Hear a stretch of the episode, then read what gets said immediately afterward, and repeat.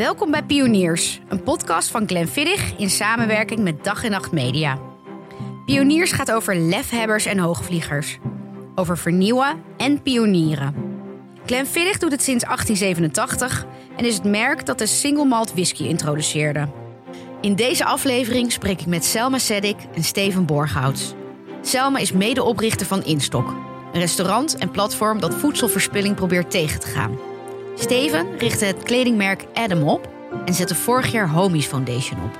Een platform dat vriendengroepen koppelt aan daklozen om het leven weer op de rit te krijgen.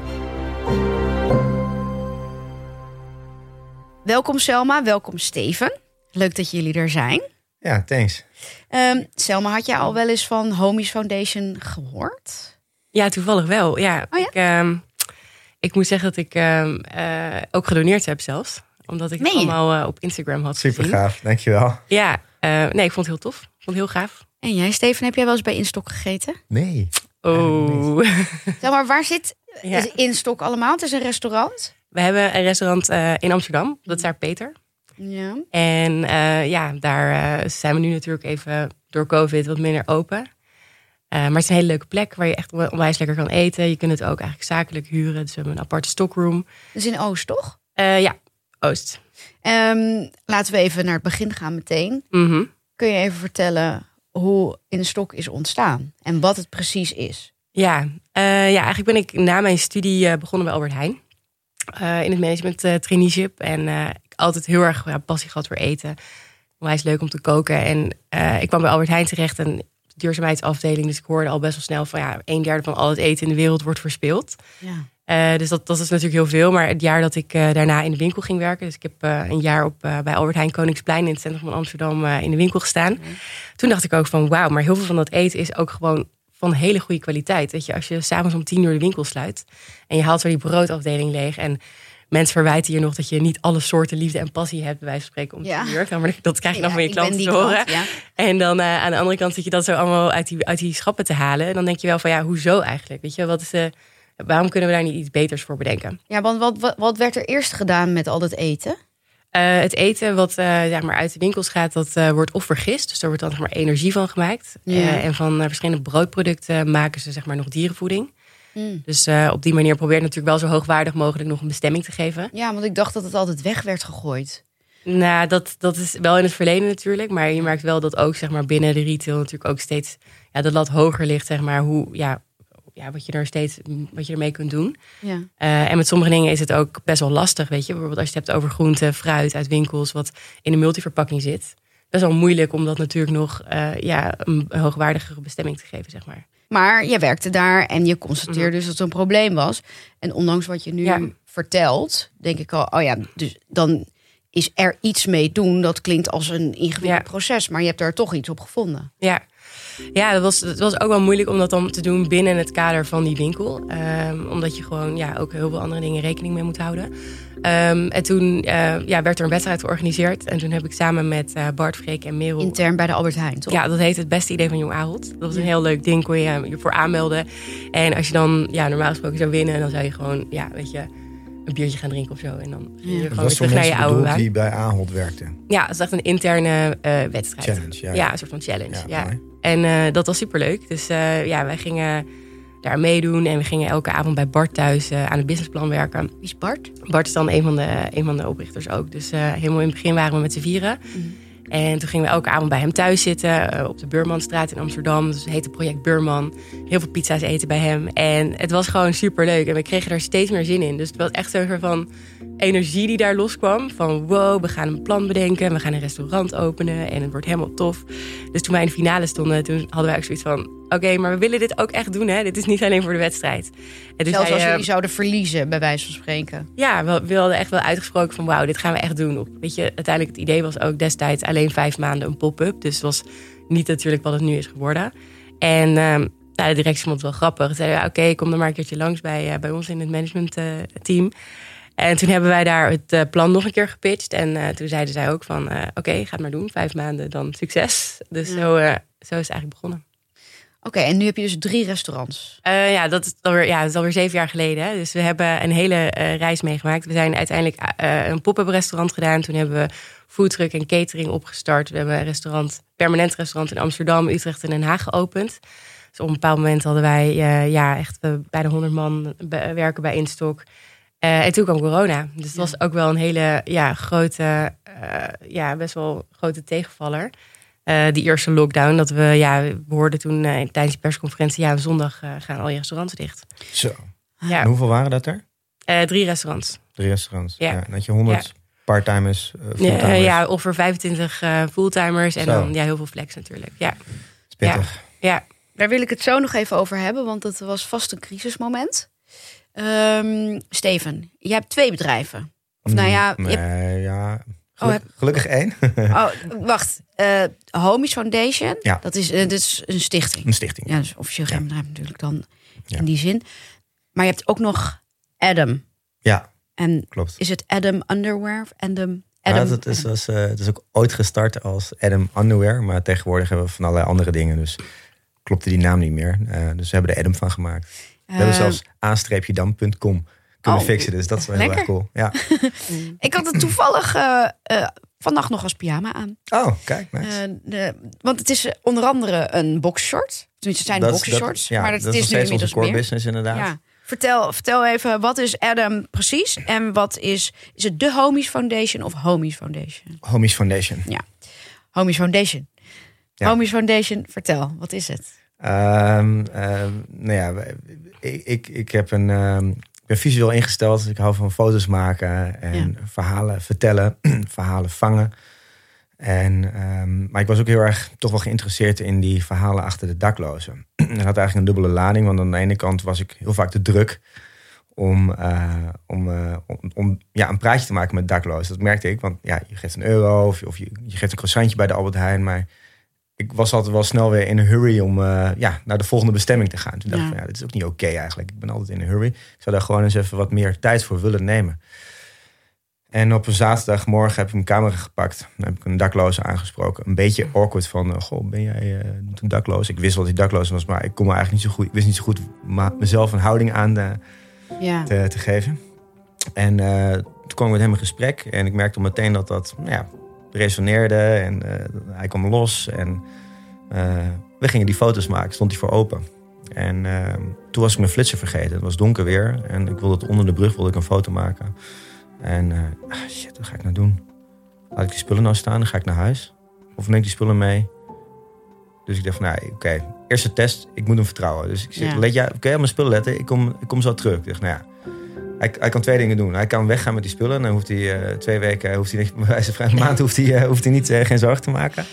En, en ik kwam terug met flitser en alles stond er nog. Ik zei, nou oké, okay, dat, is, dat is wel heel mooi. Want mensen staan natuurlijk in survival modes. Dus ja, die, die, die er ook keuze in. Fijn, we zijn samen gaan die, die foto's gaan maken. Want je creëert samen iets. Dat is altijd mooi hè. Als je samen iets maakt, net zoals deze podcast. Dan heb je meteen een, ja, een, een, een, verbinding eigenlijk.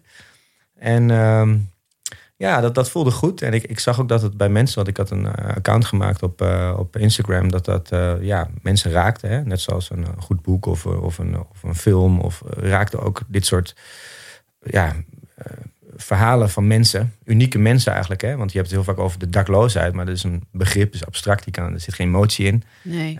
Daklozen ja, worden ook heel vaak ontmenselijkt eigenlijk. Ja, omdat het gewoon, het wordt gewoon in een begrip in een hokje gedouwd. Ja. En, maar je last. Hebt, je hebt gewoon, uh, je hebt het over unieke verhalen. Ja. En dus, nou ja, dat ben ik gaan delen. En uh, ja, ik zag meteen, hier moet ik mee doorgaan. En ik weet nog niet zo goed waar het naartoe gaat. Hè. Dus ik doe heel veel dingen zo in mijn leven. Oké, het voelt goed. Instinctief, daar gaan we gewoon mee door. En we kijken of het naartoe gaat. Totdat ik Daniel tegenkwam op 9 oktober 2020. En op een bankje. En uh, hij kwam uit Servië. Ik was uh, twee maanden daarvoor was ik van de Noordzee naar de Zwarte Zee in Istanbul gefietst. Uh, Zandvoort, Istanbul. Ik was dwars door de Balkan gegaan. Ik was dwars door Istanbul gefietst. Was sorry, eentje? Servië. Nee, met, met Basja. Mm -hmm.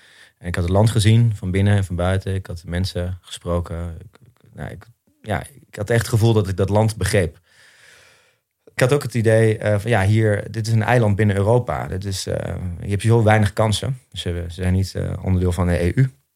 En um, dus, dus ja, ik begreep heel goed waarom hij van Servië naar, naar Amsterdam was gegaan. En um, nou ja, lang verhaal kort, alles raakte in, in, in dat verhaal mij. En toen dacht ik, oké, ik ga deze man helpen. En ik was 11 oktober jarig. Ik van jongens, geef me geen spullen of heb ik al voldoende. En gewoon geld. En dan gaan we Daniel daarmee helpen. Dit was 11 oktober 2020, toch? Ja. ja. En, en, uh, ja, en de een zat in Geluksteen en de andere die werkte bij uh, een kledingmerk. En afijn, nou, allerlei dingen werden op, op poten gezet. En uh, ik had nog tussendoor even een, een postje gedaan op, op, op mijn privéaccount op Instagram. En ik heb binnen een paar minuten weer 600 euro. Ik dacht van, hé, hey, dat is best wel makkelijk eigenlijk. Hoe je iedereen wil wel wat doen. Ik heb het idee van als je dat inzichtelijk maakt hoe je dat doet, dan wordt het veel laagdrempeliger. Toen dacht ik, nee, dit is interessant. Nou, we gaan eerst Daniel helpen. Op 20 oktober sliep hij bij Douwe op de boot. Heeft hij kunnen overwinteren. Daarna is hij naar een hotel gegaan. En nu verblijft hij in een um, woongemeenschap in Enschede. En maakt hij eten en drinken voor andere daklozen. Dus het cirkeltje is soort van rond. Ja. En um, Jij komt zelf ook uit, uh, uit die contraille, toch? Ja, klopt. Maar ja. dat is toeval. We zijn ja. gewoon gaan googlen. We zijn gewoon gaan kijken van... oké, hij moet ergens bij horen. Uh, familie. ja, Community gevoel. Ja, precies. Verantwoordelijkheid ook belangrijk. Hè? Dus dat je... Ja, het komt niet uit het lucht vallen. Hè? Als je niet uit bed stapt, dan gebeurt er niks. Um, en toen zagen we meteen van... ja, als wij dat als vriendengroep kunnen doen... dan kunnen natuurlijk ook meerdere vriendengroepen. Hè? De schaalbaarheid. En uh, ja, eigenlijk zo gezegd, zo gedaan. Toen dacht ik van oké, we moeten wel een beetje commotie, moeten wel natuurlijk uh, dat ding van de grond trekken. Ik, had sowieso, ik was sowieso van plan om weer te gaan fietsen. En uh, Sander was big fan van mijn fietstocht naar, naar Istanbul. En ik had, we hadden sowieso gezegd van nou, als we gaan fietsen, ga jij de volgende keer mee. En toen dacht ik van oké, we gaan het gewoon aan homies koppelen. En we gaan mensen activeren. we gaan vriendengroepen zich laten inschrijven. en ja, dat eigenlijk gaan koppelen aan daklozen. Dat is het hele idee van homies. Dus vriendengroepen koppelen aan daklozen. Lang verhaal kort. En wat voor vriendengroepen hebben zich, ja, melden zich aan? Hoeveel uh, zijn er? Wacht, hou die vraag even oh, vast. Ja, ik wil het daar zo over hebben. Ja. Want ik wil ook nog heel even weten wat Adam nou is. Voor de mensen die luisteren. Ja. Mm -hmm. Het zijn dus... Laat, laat mij ja. de, vraag, de vraag even, even proberen te beantwoorden. Dan moet jij zeggen of ik het goed heb. Het zijn boxershorts, truien, sokken. Eigenlijk alles wat je kan dragen om je comfortabel te voelen. Maar wel op een leuke manier. Ja, maar het is een mooie omschrijving. We, we, we, we, kiezen inderdaad gewoon productgroepen waarvan wij denken van hé, hey, daar kan nieuw leven in worden geblazen. En uh, daar, kan een, ja, daar geloven we in. En uh, dat, dat, dat ligt niet helemaal set in stone wat we over een paar jaar doen. Maar gewoon kijken van hé, hey, dat t-shirt dat, dat, dat moet gewoon een extra boost hebben.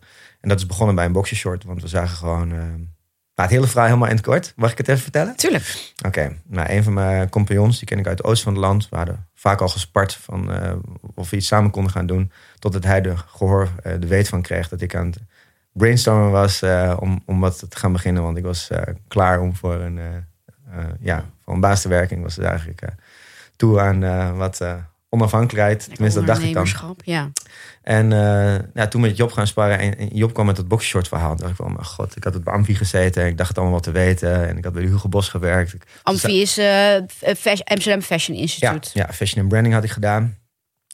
En uh, nou ja, hij had, wat deed ze met zijn, met zijn huidige vriendin, inmiddels al een kind. En de broek ging uit naar date drie of vier, vier een beetje laat, maar oké, okay, kan gebeuren.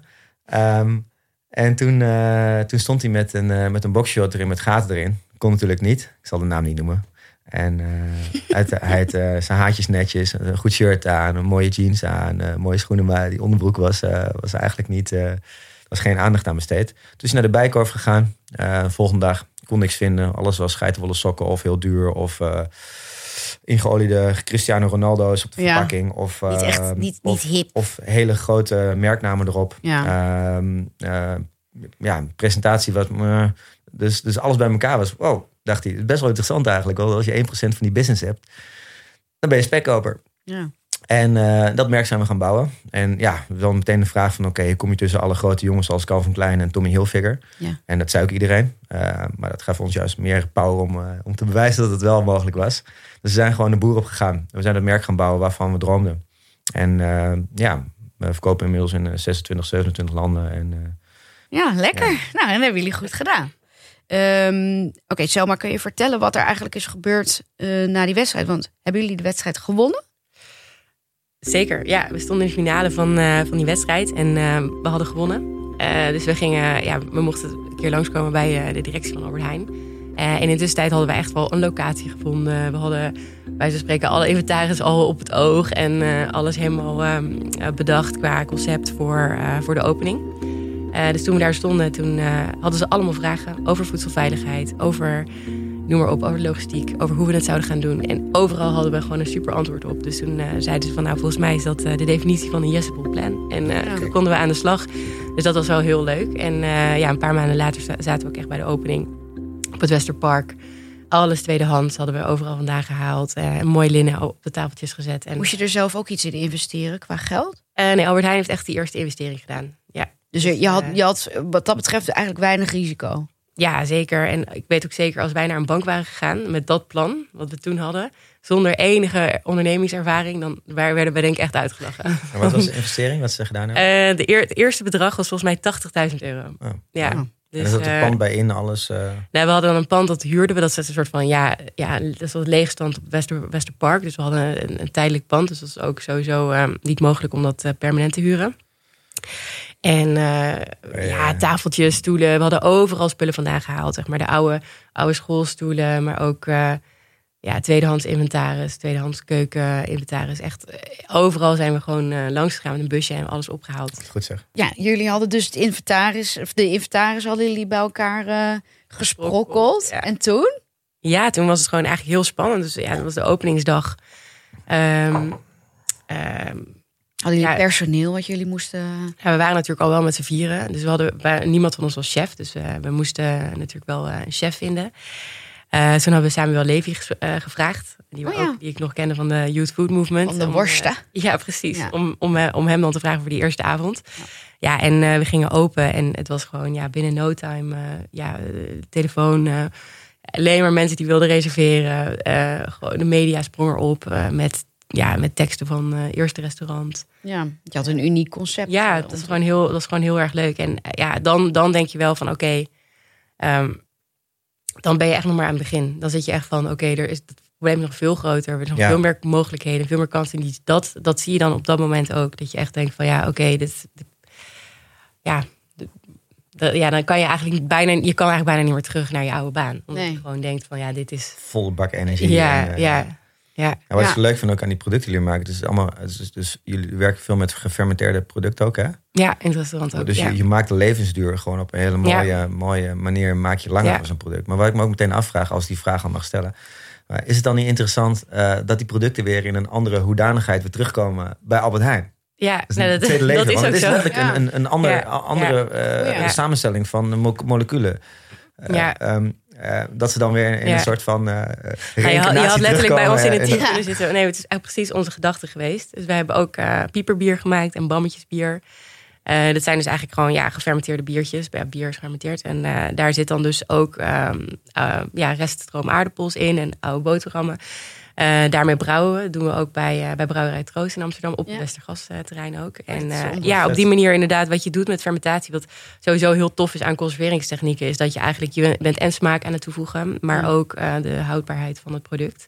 we hebben onze eigen granola, beer for breakfast, um, wat we weer maken van bierbostel. Dus dat is weer zeg maar, het bijproduct uit het brouwproces van uh, de brouwerij. Hoe heet dat? Bierbostel? Ja, dat is eigenlijk uh, als je bier brouwt, dan heb je een paar ingrediënten. Je hebt natuurlijk de hop, de gist, het water. En op het moment dat je dan dus de mout erbij doet, wij vervangen een deel van de mout dus voor onze geredde stromen. Mm. En dan ga je brouwen. Nou, uiteindelijk komt er een, een, stroom uit. Dat is bierbostel. Dat is een soort van ja, ha, ja, moutrijk. Het is eigenlijk een soort van graanachtig spul. Ja, het is. Het is uh, ja, ik weet niet echt hoe ik het anders zou moeten omschrijven. Maar... We gaan het googelen ja, na de aflevering. Maar het is dus mega voedzaam. Want ja, die suikers die, uh, die daarin zitten, die zijn omgezet in alcohol. Dus je houdt heel, heel vezelrijk en heel uh, proteïnerijk spulletje hou je eigenlijk over. Is gezond? Ja, eigenlijk wel. Totdat wij er granola van gingen maken en er ook wel weer hele lekkere smaak aan toe gingen voegen.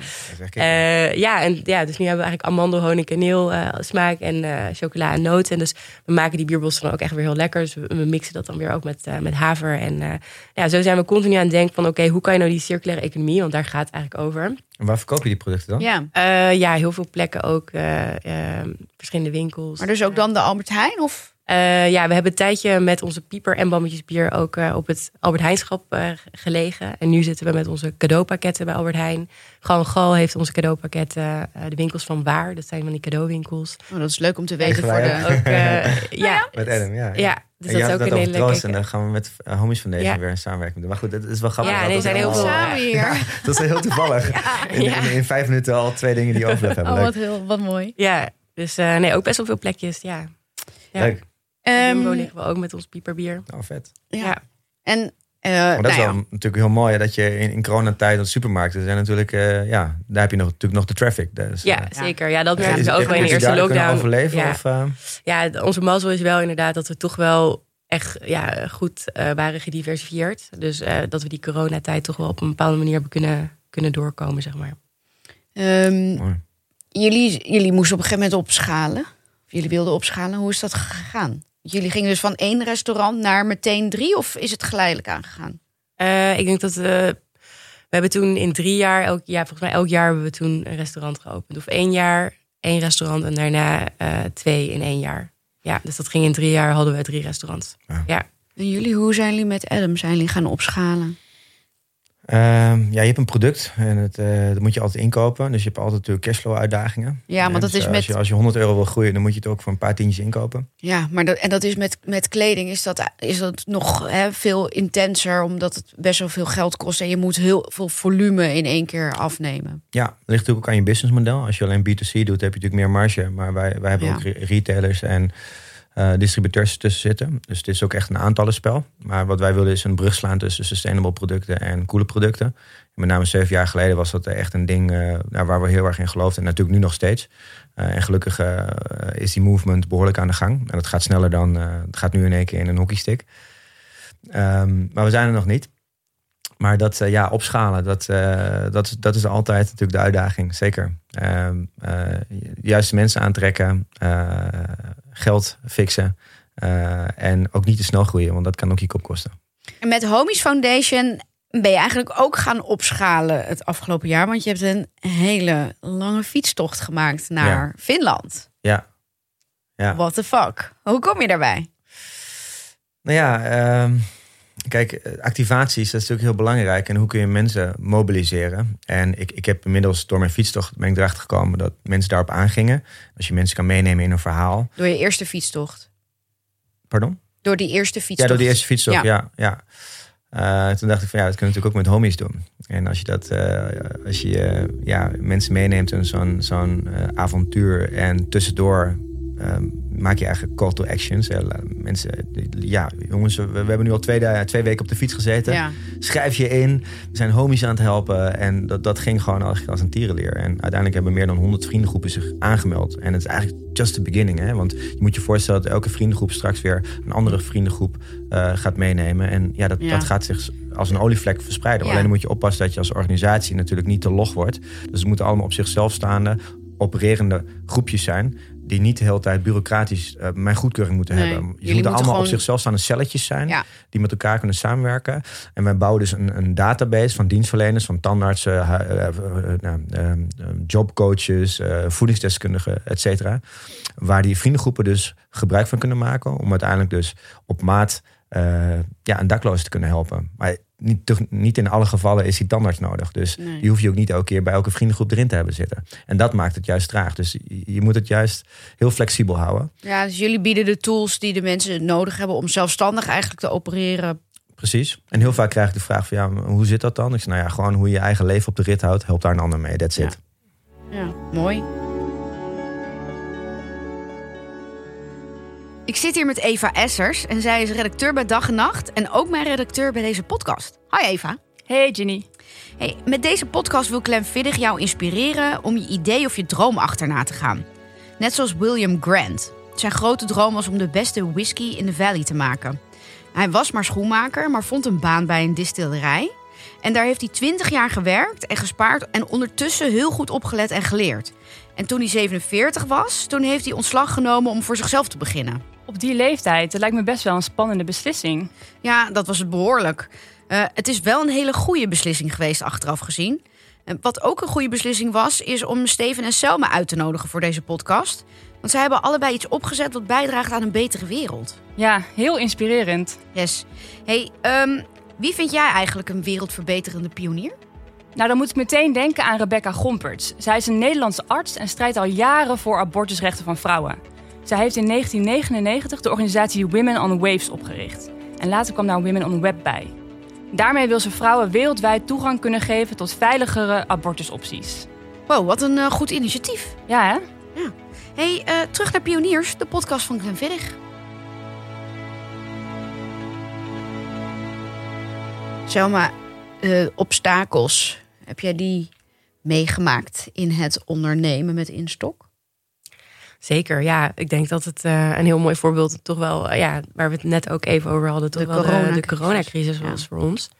Ehm, dat dat ja, natuurlijk zo hard, we werden als horeca zo hard geraakt op het moment dat we echt alles dicht moesten zetten. En eh, dat was ook wel echt een ja, heel, leerzame, ja, heel leerzaam moment, denk ik. Of nou, ja, leerzame tijd. Oh, Want hoe, hoe ben je daar doorheen gekomen? Heb je, hebben jullie ook... eh, je had natuurlijk in de horeca heel veel restaurants die heel creatief werden. Dus die gingen eh, een eh, foodwalks organiseren of ehm eh, boxen verkopen. Ja. Een andere manier eigenlijk van hun horeca exporteren. Wat hebben jullie daarop verzonnen destijds? Ja, nee, we zijn eigenlijk toen we dat hoorden, nou, restaurants dicht, zijn we ehm, ja, we- we- weer contact eh, met Samuel Levy eh, Ja. opgenomen. En hij had het eh, ook het hele leuke idee om eigenlijk samen met de toeleveranciers van de horeca ehm, eh, op te trekken. Dus we hebben samen met Lindenhof, Bakkerij Mama en ehm, Melkboer en Noma zijn we toen Support Your Locals gaan doen. Ja. Dus wij hebben eigenlijk onze hele Food Rescue Center bij Sloterdijk. Dat is onze hal hebben we omgebouwd tot ja, inpaklocatie. Alles op anderhalve meter afstand aan het begin. Het was echt, eh, het leek bijna een soort van ziekenhuis. Het was Ja. echt eh, iedereen helemaal inpakken. En eh, ja, wij gingen toen dus al, die, al die boodschappenpakketten inpakken. En het, was, het was echt van het brood lag nog te reizen en het had geen bestemming. Of de koeien zaten vol met melk en dat had geen bestemming. Dus het was echt zoiets van, we moeten nu iets doen. En ja, binnen een week hadden we eigenlijk ook een website in de lucht. Nou, eigenlijk alles helemaal geregeld om, eh, om, die, eh, om die dozen te gaan verkopen. En ja, we hebben alleen, alleen in de eerste lockdown al iets van meer dan 20.000 pakketten ingepakt. Ja. Dus dat was wel, bracht ook weer een hele ja, toffe energie, eh, bracht dat. En Waar haalden die mensen vandaan om het binnen zo'n korte tijd allemaal te distribueren? Eh, we hebben toen eh, het inpakken hebben we ook wel met een hoop vrijwilligers gedaan. Want Ja. heel veel mensen die hadden natuurlijk op dat moment ook heel veel tijd. Ja. Eh, afleveren ging toen heel eenvoudig, omdat iedereen thuis was. Dus qua distributie was het vrij, vrij tof in die tijd dat, dat het makkelijk ging. En e-bakkie, dat is een, ja, een leuk bedrijf hier in Amsterdam... die met fietsen door de stad heen gaan. Die zijn toen eigenlijk al die pakketten gaan wegfietsen. Ehm, ook met een hoop jongens. Dus ja, het was gewoon een hele... Het, het was echt wel tof dat we dat zo met elkaar hebben gefixt aan het begin. Ehm, de- maar was, was dat het eigenlijk wat er wat, wat nodig was? Dus dat jullie een, een bepaalde ehm, mentale steun aan elkaar hadden? Want kon je ervan leven? Trok het een beetje de kosten die jullie ehm, maakten Mhm. een beetje recht met het feit dat jullie geen inkomsten hadden? Eh, ja, het is natuurlijk wel. Het, het is meer het is wel een noodoplossing. Ik denk dat als je gewoon kijkt naar je, naar je bedrijfsvoering, hoe dat normaal is, dat natuurlijk wat je liever doet. Ja, En begin was er ja ook überhaupt extreem veel onzekerheid over steunpakketten. Over dat, Ja. was- dat wist je gewoon nog niet. Maar daar denk je op dat moment dan eigenlijk ook gewoon helemaal niet over na. Je, zit, je bent veel meer bezig met precies. Je hebt Ja. gewoon het eten, het staat in je hal en je wil het niet weggooien. En je denkt gewoon, dit zijn gewoon allemaal gewoon mooie producten. En je weet ook dat je leveranciers producten over hebben die volgende week weer langskomen. Dus je zit echt te denken van oké, hoe kunnen we dat eigenlijk voorkomen? Weet je, dat je zelf eh, enorm veel eh, voedsel verspeelt. Dus eh, ja, en uiteindelijk wordt er steeds meer duidelijk, inderdaad, ook financieel. En je gaat heel erg werken met eh, verschillende scenario's. Dus je weet natuurlijk maar weinig, maar je kunt wel eh, toch wat dingen modelleren in Excel. Gewoon kijken van oké, wat als het dit wordt? Wat als het dit wordt? Wat als het dat wordt? En ehm, ja, dan uiteindelijk langzaam, langzamer, ja, door de tijd wordt dat steeds duidelijker. En ehm, Trial and error. kom je, ja, kom je zo'n crisis wel door, zeg maar. Ja. Heb je het idee dat de daklozen in Nederland ook last hebben ondervonden van de coronacrisis? Ja, uiteraard. Zeker. Op welke manier? Eh, geen, eh, geen toeristen bijvoorbeeld. Er zijn natuurlijk geen inkomsten. Geen, geen straatshows. met geen mensen op straat. Is, eh, ja, eh, heb je natuurlijk veel minder kansen eigenlijk. Hè? Dus dat, eh, dat heeft direct impact. Ja. Ja, dus dat is, dat is natuurlijk een oorzaak. En, ehm, ja, e- en, en alle huizenprijzen die, die in de afgelopen jaar natuurlijk nog eens een keer erbovenop zijn gestegen. Mhm. En het is soms net even ja, een blauwe brief die je niet kan betalen. eh, en dat, dat stapelt zich op. En pats, boem, een buitenspel. En dan denk je van, is, is dat alleen de reden geweest? Dat is alleen de reden geweest. Heb je, heb je het idee dat we nu in- weer inmiddels in. eh, wat is het nu? Wat is het nu? We zitten in een lockdown light. Heb je het idee dat, dat het nu al wat beter aan het gaan is wat dat betreft? Of Nou, als je kijkt naar de CBS, eh, CBS ehm, de cijfers, dat, ehm, is het, eh, zijn het de afgelopen twee jaar is het, is het gedaald. Maar als je de opvangtehuizen hoort en eh, ja, eigenlijk de, ja, de, berichten uit het veld, laten we zeggen, eh, dan gelooft daar niemand daarin. Dat is best wel iets aparts eigenlijk. Dus dat aan de ene kant de cijfers dalen en aan de andere kant ja, we het niet zien. Hè. Het zijn steeds meer mensen die aankloppen, steeds meer mensen die in de problemen komen, omdat het leven gewoon steeds duurder wordt in Europa en Nederland. Hebben te is- maken je hebt met. gewoon eh, meer inflatie hè, precies. natuurlijk. En, eh, Ja. ja. en niet alles gaat mee. Dus eh, de, de salarissen die. eh, eh, ja, dat moet, allemaal, dat moet allemaal maar lukken. ik, En het is best een dun lijntje natuurlijk. Mm. En eh, als je kijkt wat, je, wat, je, ja, wat, wat een inkomen is eh, bij een supermarkt of een gemiddeld inkomen. En als je dan kijkt wat de huurprijzen in Amsterdam zijn. Als je kijkt Ja. wat de wachtlijsten zijn op, eh, op sociale huurwoningen. Eh sommige staan al twintig jaar ingeschreven met een uitzichtloosheid. Eh, ja, ga er maar aan staan. Ja, en, en eh, daklozen zijn ook wat heel veel mensen, wat, wat voor heel veel mensen vaak een drempel is om überhaupt zich niet te bekommeren om daklozen. Omdat veel mensen denken dat alle daklozen junks zijn, die alleen maar drugs Ja, gaan kopen. Ja, ja. En die verslaafd zijn en daardoor dakloos zijn geraakt. Wat, wat overigens. Nou, echt niet- een verkeerd beeld. En ik denk Ja, dat, dus dat, dat, maar- dat heeft ook te maken ja. met dat we best wel een individualistische eh, levensstijl hebben, steeds meer. ja, mensen niet meer goed kijken van wat is er nou daadwerkelijk aan de hand. En vraag gewoon eens even wat er aan de hand is. En dan heb je al zoveel meer inzicht. Ehm, in de beginperiode van toen ik die foto's maakte, toen zeiden mensen ook van ja, je maakt alleen maar foto's, je doet er niks mee. Ik zeg ja, en waarschijnlijk heb je nog nooit een dakloos aangesproken, want anders zou je dit nooit zeggen. Alleen een luisterend oor al zijn voor iemand, dat kan echt al een spark of the day zijn. ja. Wat vind jij het leukste aan ondernemen? Ehm, dingen van de grond trekken, vanuit een zaadje in je hoofd iets manifesteren. Ehm, met mensen werken. Ehm, je creëren. Creëren, ja. Ja. En jij? Ja, ik ook. Ik vind het ook gewoon heel gaaf om samen met een groep mensen eh, ja, een idee gewoon uit te voeren. En eh, het is gewoon heel spannend of zo. Het is gewoon heel leuk om, om daarmee bezig te zijn. En eh, ja, elke keer kom je weer dingen tegen. Dus het, het, is, het is gewoon heel spannend. Je hebt een idee, je wil dat gaan doen. Eh, maar op de weg daar naartoe kom je gewoon van alles tegen. En eh, ja, het is gewoon, ik vind het gewoon heel leuk, ook samen met mijn collega's, om, eh, om daar elke dag mee bezig te zijn. Het is in Ja. ieder geval niet saai. Het is zeker niet saai. Nee. En wat- het is wel cool dat je ook al echt zelf wel eh, in de lead bent. Dat je kunt natuurlijk ook zelf dingen bedenken. Het is niet dat je. Ja, je hebt een best wel een soort van vrijheid ook als ondernemer. Wat ook wel heel leuk is. Je, zou je nog terug kunnen echt werken voor een baas? Ehm, ligt er wel heel erg aan wie. eh, en in wat voor setting. Ik denk wel dat het heel leuk is om, om in, een, in een team te werken met mensen. Dus niet per se dat ik de, per se de eindbaas moet zijn. Maar ja, ik vind vooral die vrijheid belangrijk. En de, de creativiteit die je erin kwijt kan. En ik zeg nooit nooit. Maar ja, ik heb, ik heb ook... Ja, dit ben al zeven jaar aan het ondernemen. En het gaat zo snel. Dus ik zou Ja. niet weten wanneer ik dat Ja. dan zou moeten doen eigenlijk. En wat, is, wat staat op de planning? Wat, wat is het volgende? Idee. Wat je, ja, Ja. Nou ja, volgende idee misschien wel Ja. binnen instok? Of heb je Mhm. daarbuiten eigenlijk Ja. nog eh, andere ideeën? Ja, wij, wij hebben nu echt wel een beetje het gevoel van ehm, dat we de, ja, nog meer impact willen maken. En dat dat in de eerste fase ging heel erg over hoe kunnen we mensen nou meer bewust eh, maken met onze kookboeken, met restaurants. Eh, voor ons is de volgende fase wel heel erg eh, gericht op echt die kilo's, die CO2-uitstoot eh, reduceren. Heel veel mensen realiseren zich niet dat een kilo eten staat gelijk aan 1 tot 3 kilo CO2-uitstoot. Dus eh, het is echt. ehm, Ik had echt geen idee. Nee, en dat, dat, dat bewust, dat, dat, zeg maar, dat is best wel belangrijk om dat, dat linkje zeg maar, te leggen. En eh, ja, nu eh, zijn we met Instock Market sinds, sinds 2019 eh, begonnen.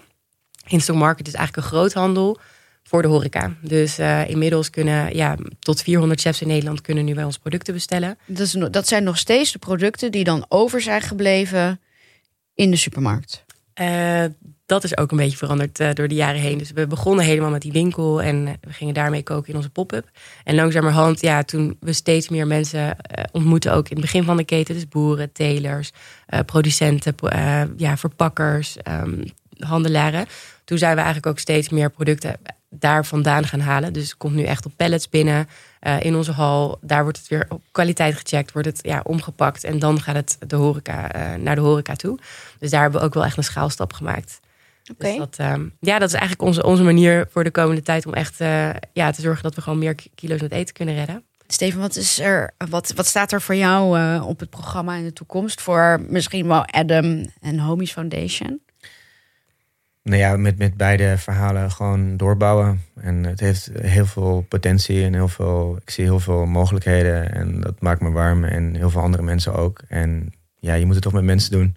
Ja. En ja, zowel Adam als, als de homies heeft, uh, heeft echt heel veel schaalpotentie. Dus daar gaan we de komende tijd mee bouwen. We zijn inmiddels ook met de overheid aan het, uh, als we dan over Homies Foundation hebben, met de overheid aan het praten hoe we meer kunnen gaan samenwerken Ja. met, met, met de gemeente en met de, ja, de, de maatschappij eigenlijk. Hè. Om die gewoon meer bij elkaar te brengen als het ware. Want ja, dat zijn ook nog te veel eilandjes. Dus heel veel, heel veel uitdagingen. en ehm, ja, ik kan ook niet in een glazen bol kijken. Maar waar de energie naartoe gaat, daar ontstaan dingen. En daar geloof ik heel erg in. Gewoon vooral doen. Mooi. Ik, uh, ik heb gehoord dat er volgend jaar een, uh, een rit naar Parijs uh, gaat, gaat komen. Van Ja. Amsterdam naar Parijs. Amsterdam naar Parijs. Ja, Sander Schimmelpenninck en ik zijn natuurlijk naar, eh, naar, Ja. naar, eh, ehm, naar Lapland gefietst. Finland. En eh, tientallen mensen hebben ons een bericht gestuurd van, eh, dat ze wilden meefietsen. Ja, en toen dachten wij van ja, hier moeten we wat mee. En, eh, en dan met een paar honderd man. Het idee is om met 500 man van Amsterdam naar Parijs te fietsen voor homies. Om eh, awareness te, te, te creëren. Om eh, vriendengroepen zich te laten inschrijven. En natuurlijk om, om geld binnen te halen. Want ja, zonder geld Ja. ehm, kun je niet veel. En kunnen mensen zich daar al voor aanmelden? Of Nou, we hebben vorige week hebben we een eh, afgelopen week was hebben we de shoot gedaan voor de Bike for Homies. Dus Mm. eh, daar hebben we een aantal mooie beelden geschoten en heel mistig weer. Dat was best wel best wel filmisch, best wel cool. En dat gaat volgende week live, dus, eh, samen met de website. En, wat is de website? Noem het even. Dan kunnen ja, mensen... bikeforhomies.nl. Mhm. En die is, nou, volgende week gaat die live. Die is nu nog niet live. Maar ehm, ja, daar ga je zeker wat van, ehm, van zien. Dus schrijf je in, neem je vrienden mee en ehm Bike for Homies. Leuk. Oké. Selma en Steven, ik heb nog een laatste vraag aan jullie voor de luisteraars. Wat zouden jullie willen of kunnen meegeven aan luisteraars die met een goed idee zitten en eh, die daar misschien wel wat mee willen? Heb jij daar advies over? Ehm, ja, ik, ik zou eh, als mensen willen gaan ondernemen, ik zou echt gewoon proberen te kijken van blijf, ja, haal het van papier af. Dus heb je een plan, eh, tuurlijk schrijf het op, maar ga het ook gewoon echt testen. Ga het gewoon proberen. Ga proberen om je product, je prototype te maken. Ga proberen om je eerste ehm, je klant binnen te halen. En ga gewoon van starten. Want dat is eigenlijk de enige manier waarop je ook kunt leren hoe je Ja. moet ondernemen. Gewoon actie ondernemen. En ja, eh, ik vind het onwijs eh, leuk om ook natuurlijk met iets maatschappelijk bezig te zijn. Of een beetje dat je ook impact kan maken. Dus ik vind dat sociale ondernemerschap geeft mij ook wel meer energie ervoor. Mm. Ehm, dan heb je een beetje de dubbele motivatie. Dus eh, ja, ik zou gewoon zeggen, ja, ik zou gewoon zeggen. Handen uit de mouwen steken. Ja, Ja. begin vandaag. Jij, Steven? Ja, het, het zit natuurlijk al in het woord, hè? Wat Selma ook zegt, eh, eh, ondernemen, doen en Ja. haal het van papier af en, eh, en maak de eerste stapjes. Want ja, eh, mijn onderneming, eh, ik kan je wel een tip geven, maar voor jouw onderneming zal het weer anders werken. En dan kom je alleen maar achter door het te doen. Ja. En eh, ja, als je dan iets wil bouwen, vaak hè, wat groter is, heb je Mm. mensen nodig. Dus ik zou ook altijd zeggen van, vind de de beste mensen zo snel mogelijk. Ja, precies. Want om daar heel even op aan te vullen, ik heb zelf ook wel eens in interviews, ik ben zelf ook ondernemer, heb ik in interviews ook aangegeven, hè, je moet, je moet het gaan doen. Je Ja. kan net zo lang gaan wachten totdat eh, iemand zegt van, eh, of je aan de hand eigenlijk neemt en zegt, nou kom, eh, ik help je erbij, maar je moet het, je moet zelf die motivatie hebben en de ballen om een risico te durven nemen, want Ja. ondernemen gaat met risico gepaard. Maar ook, wat ik net ook bij jou hoor, zorg dat je, dat je de juiste mensen op de juiste plek hebt zitten Ja. zodat je zelf niet alle petten op hebt. Want je kan niet overal goed in zijn. Ja, en geef het tijd. Hè. Heel veel mensen die, die kijken te veel eh, YouTube-filmpjes of Instagram-filmpjes. Dat je in, een, eh, over één nacht ijs, dat je dan eh, Ja, heel rijk bent of succesvol bent. En sommigen zijn dat wel, maar dat is zo'n klein gedeelte. En ja, de realiteit is gewoon lange adem, heb geduld. En eh, je moet natuurlijk niet aan een dood paard gaan trekken. Ehm, maar eh, ja, Wat jij vooral- ook zei over je energie. Je merkt vanzelf wel als er een bepaalde energie ergens vrijkomt. Ja. En ja, als je dat volgt, dan Precies. daar zit dat wel, ja. let's go. Absoluut. Oké, Dank jullie wel voor Ja. jullie eh, input. Ja, thanks dat u hier mocht zijn. Ja, Leuk. nee, Ja. Bedankt dat jullie wilden komen. En heel veel succes met jullie eh, ondernemingen en stichting. Dankjewel. Superleuk. Dankjewel. Dank voor het luisteren naar Pioniers. Binnenkort zijn we terug met een nieuwe aflevering en met nieuwe pioniers. Vond je het leuk om te luisteren? Deel deze podcast dan met anderen. En laat ook vooral bij iTunes een reactie achter. Deze podcast is een productie van Dag en Nacht Media in opdracht van Glenfiddich. Eva Essers is de redacteur, Tom Aalmoes de editor. De muziek is van Cloak en mijn naam is Ginny Ramkizoen. Leuk dat je luisterde en tot de volgende.